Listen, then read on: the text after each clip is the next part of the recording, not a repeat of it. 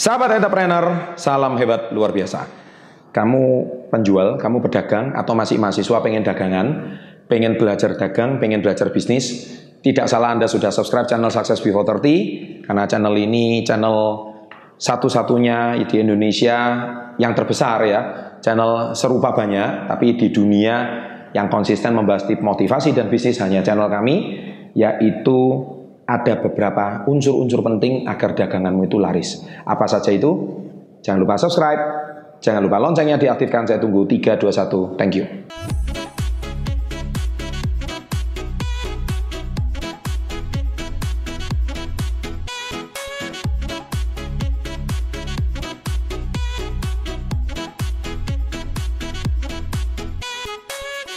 Nah, ini sangat berlaku kalau Anda punya bisnis.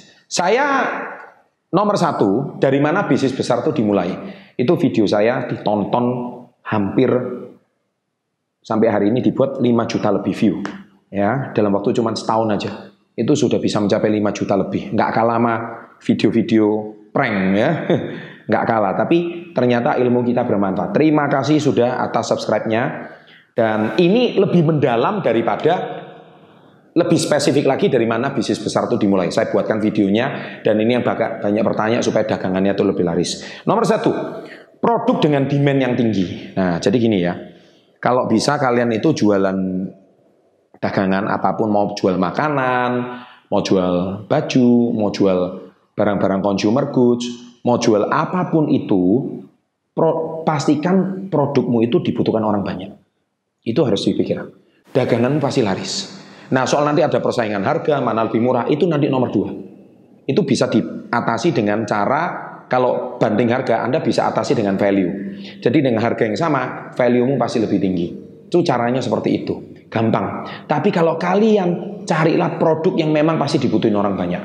Ya, itu tips nomor satu. Jadi jangan jual barang yang orangnya tuh nggak terlalu butuh. Ya, pastikan orang itu butuh. Motor butuh, mobil butuh, ya kan? Uh, makanan orang butuh. Jadi kalau makanan itu mau krisis moneter kayak apa pun orang tetap makan kan. Ya, jadi itu juga bisa. Makanya kenapa GrabFood itu laku. Itu menghidupkan banyak UKM. Uh, perusahaan saya sendiri menjual produk-produk consumer goods. Ya, jadi produk-produk yang saya jual di perusahaan saya itu seperti hand body lotion, kemudian pembalut, ya kan, kemudian seperti kayak obat jerawat, itu ada semua di perusahaan saya. Kami memang menjual produk-produk itu memang yang permintaannya sangat tinggi. Sehingga memang eh, dari perusahaan saya sendiri itu memang produknya itu demandnya sangat tinggi. That's why eh, agar dagangan itu laris, unsur penting ini jangan dilupakan. Jadi unsur penting pertama adalah demandnya tinggi, permintaannya tinggi. Yang kedua, struktur operasional yang bagus. Jadi artinya gini, jangan sampai kalian itu sudah dagangan laris tapi kacau balau secara manajemen. Ya, jadi kalian itu uang dagang sama uang keuntungan harus dipisahkan.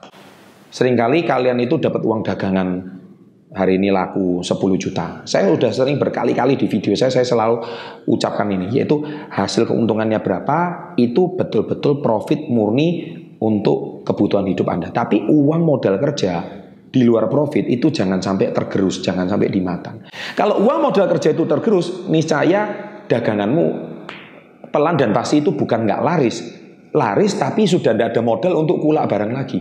Dan itu akhirnya sampai kapan pun kalian dagang ya tidak pernah akan maju. Kenapa? Modal kerja dipakai terus untuk kebutuhan sehari-hari. Ya bila sekalian nggak akan maju. Ya. Yang ketiga, memiliki customer base. Nah, ini kan saya sudah sering utamakan, utarakan. Customer base itu bahasa Jerman, Jerman itu jejere kauman gitu ya. Artinya apa? Pelanggan, pelanggan tetap, customer base itu pelanggan tetap. Kalian kalau sudah punya langganan tetap, ya tolong dijaga dengan baik. Namanya toko itu bisa hidup sampai puluhan tahun, usaha bisa hidup puluhan tahun itu karena sudah memang punya pelanggan tetap. Contohnya mie, ini zaman kakek saya mie ini sudah di sini. Ini memang enak sampai cucunya pun dia masih rindu rasa kakeknya. Kenapa? Karena memang penjualnya rasanya masih tetap rasa zaman dahulu. Nah itu namanya sudah punya pelanggan. Jadi kalau kalian menjual sesuatu, pastikan pelanggan itu dijaga dengan baik. Jangan sampai pelanggan itu lari. ya. Nah ini unsur pentingnya, miliki pelanggan atau customer base. Yang keempat, miliki situs. Nah zaman sekarang ini penting. Situs itu bisa berupa website, itu pasti. Zaman sekarang wajib punya website, beli aja dulu domainnya. Kedua, sosial media itu penting, ya seperti IG, FB itu harus kalian kuasai. Karena kalau kalian zaman sekarang nggak punya situs dan website kalian bisnisnya nggak bisa desain. Jadi bisnis zaman sekarang kalau nggak di, nggak bisa ditemukan di Google pasti kalah bersaing. Dan pasti kalah lari sama mereka yang bisa meletakkan di Google. Makanya kalian bisnisnya itu harus menggunakan jasa anak-anak muda supaya mereka bagaimana bisa membangun brand anda itu di sosial media. Dan yang kelima unsur penting kelima adalah kalau bisa, kalau mau bisnismu itu laris jangka panjang, punyalah visi dan misi yang jelas. Jadi bisnis kamu itu nggak cuma bermanfaat untuk keuntungan pribadi. Kalau bisnis sudah bisa memenuhi kebutuhan pribadi, kalau memang bisnismu itu bagus untuk jangka panjang, kenapa nggak memberikan keuntungan untuk masyarakat, keuntungan untuk pelanggan? Kalau bisnismu mau grow, mau scale up, berikan keuntungan sama reseller. Nah itu bisnis Anda berarti punya visi dan misi yang jelas. Berarti kalian pengusahanya bukan cuma level 1, tapi kalian mau naikkan bisnismu dari level 1, level 2 sampai level ketiga. Bahkan kalau bisa sampai level keempat sampai level 5. Itu menunjukkan bahwa bisnis Anda itu memang bermanfaat untuk orang banyak. Dan otomatis produk Anda juga dipakai oleh orang banyak. Kenapa demikian? Karena bisnis kamu punya visi dan misi yang jelas.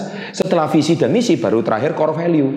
Nah visinya mau ke mana? Visi perusahaan saya ini ke depannya nanti mungkin mau punya uh, jutaan pelanggan contohnya gitu. Misinya apa? Misinya kami menciptakan uh, barang yang menarik, tepat waktu, rasa terjangkau, eh rasa terjangkau, bukan rasa enak, murah, harga murah, harga terjangkau.